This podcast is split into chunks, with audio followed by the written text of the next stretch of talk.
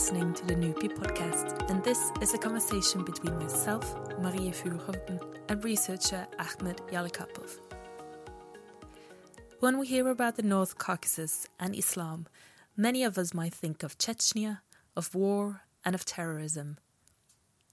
But Islam in this area is so much more than that. And someone who knows this better than anyone is Akhmet Yarlykapov. He is a senior researcher at the Moscow State Institute of International Relations, and he has done extensive research on the topic of Islam in the North Caucasus area.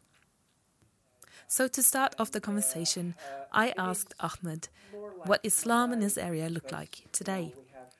Yeah, the North Caucasus uh, is the part of Russia, very tiny. It comprises of 1.5% of territory of Russia, but it is the home for more than 10% of uh, its population.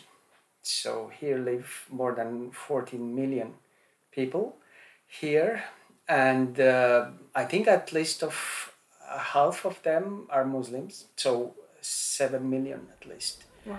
Muslim live here. Mm. Akhmet explains that in this area you find predominantly Sunni Muslims, but of two different theological schools or madhabs. You find Hanafis, Shafi Muslims, Shia Muslims, and also different currents of Sufism. So it's really a region that has a big mix of different types of Islam living side by side. During the Soviet Union, it wasn't a lot of religious freedom. And then the Soviet Union fell, and how has that affected Islam in this area that all of a sudden you have sort of gotten back your religious freedom? First thing I should say it's uh, it was not revival of Islam; it was re-Islamization. Mm. So people knew that they are Muslims in theory, but they were not practicing.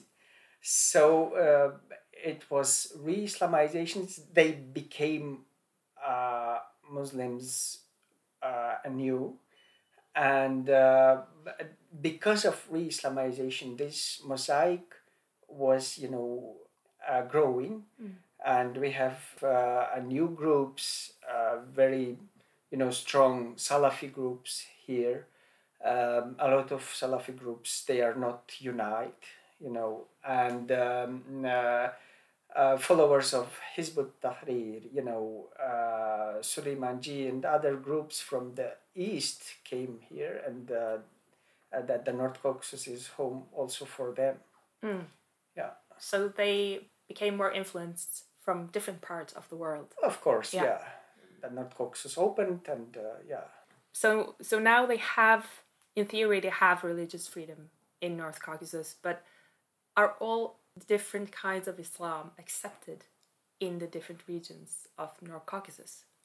Yeah, it's a very good question because, uh, you know, yes, we in theory have uh, a religious freedom, but in different parts of the North Caucasus, different forms of Islam are tolerated. Some forms of Islam are not tolerated and not welcomed. For instance, in 2016 in Dagestan, the new film of uh, Majid Majidi, Muhammad, the Messenger of Islam, of Allah, was um, screened and everywhere in Dagestan. The film is Shia based on Shia sources. Uh, and in the neighboring Chechnya, in the neighboring Chechen Republic, they didn't tolerate it, and uh, even the uh, local mufti Salah Najib issued uh, some kind of fatwa against Shia Islam, mm. and he said that uh, no Shiism is allowed here in Chechnya, and it is not tolerated here.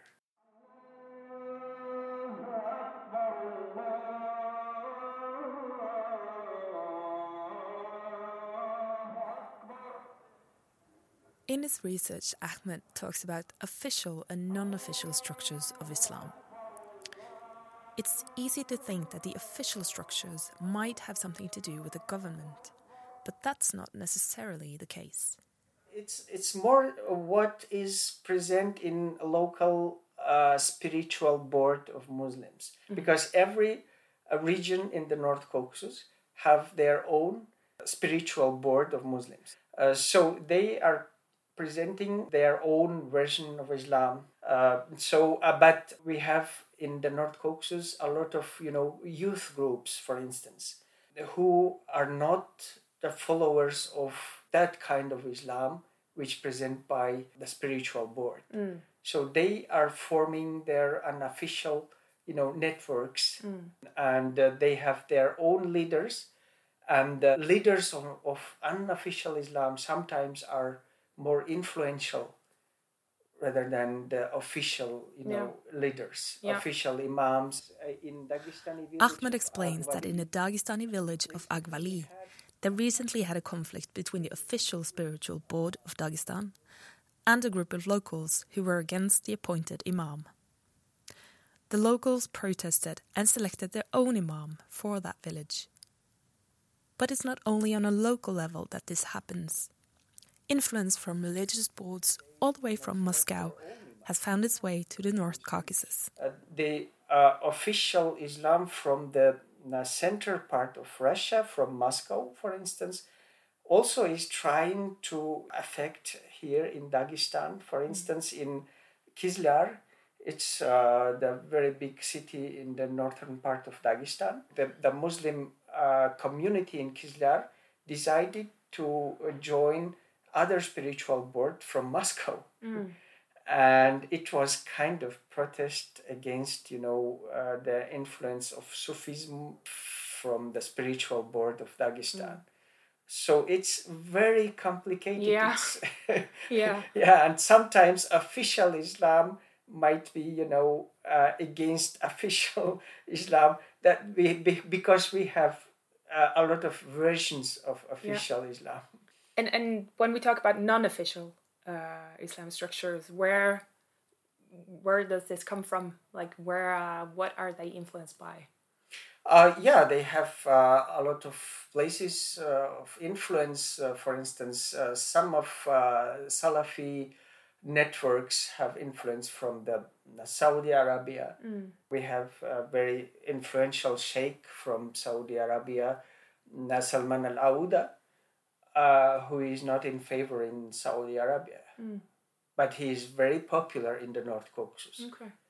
Uh, yeah, and uh, uh, we have uh, a lot of very interesting uh, new groups. For instance, the new group of Shia Muslims in the North Caucasus who converted from Sunnism. So we, we have uh, very, uh, you know, big influences from the uh, Kingdom of Saudi Arabia, from Iran, from other parts of the uh, Middle East. So it's, yeah, a different, from different places influences came from So there are, there is a lot of forces from a lot of different sides here affecting Islam uh, in North Caucasus, and and what will this mean for the people here? people here uh, you know have uh, freedom of choice you know sometimes they are uh, in the same way like the spiritual board but uh, they feel that it's not good for them to follow the spiritual board and they are choosing the other current of islam uh, or madhab or something like that. And it's it's sometimes the way to show their protest even. For instance i, I said about uh, the, the kizlyar community of muslims. So uh, that was the way to uh, show their protest but they keep it in an official way changing the official you know affiliation. Because they don't want to be like non-official Wahhabis because Wahhabi is very not good. It's yeah, it's uh, like you know you are becoming uh, the criminal, you know. so they don't want to be criminals, but they want to show their protests. So they are just changing the affiliation. Yeah. Yeah. So it's a way of, of silent protest almost. Yes. Yeah. Not so silent, but uh, in in you know in uh, official way. Yeah, yeah. Yeah. You have, of course, traveled a lot to the different regions of, of North Caucasus and you have met the people. Um, so, what is it like for Muslims and especially maybe young Muslims uh, in this area to sort of navigate through all of these external and internal conflict of interests in regard to their religion?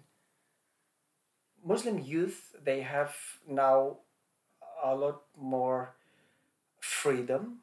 Yes, they are going to the same mosque and they are gathering in Friday to collective, you know, prayer and so on, but they have their own leaders, sometimes outside of Russia even.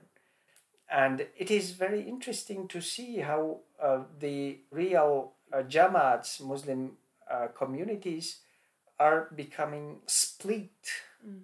Between these you know networks, influencing from other parts of Russia or even from abroad. And we, we, we should say that uh, the vast majority of Muslims in the North Caucasus they want peace for their you know homeland. They want uh, it to be more developed, the better place to show their own you know political views because the Islamic religion is the basic of their uh, you know ethnic and other identities. Sometimes they have only this tool mm. to show their own you know views. I think that it's more productive to listen to them, not to blaming them as terrorists and so on. But uh, I think that um, uh, a, a, vast majority of the Muslims in the North Caucasus they are peaceful people uh, seeking the better life for them. Based on Akhmet's stories, it's fair to say that the North Caucasus is an area where there's a lot of things happening in the different Muslim communities. But I wonder how Akhmet sees the future for these people. Yeah, it's uh, very difficult uh, for me to picture the, the future because I think that uh, the picture of Islam uh, in the North Caucasus will become more mosaic.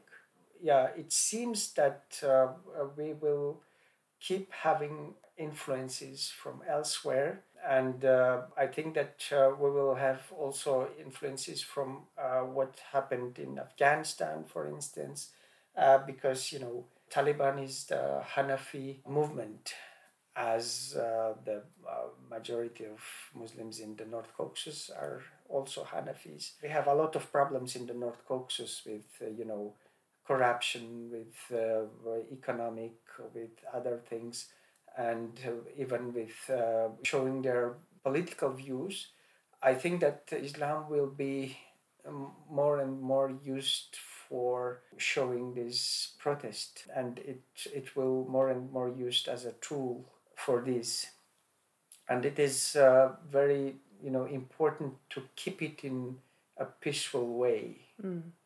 So that will be, I think that that will be the the most thing Muslims in the North Caucasus should think about.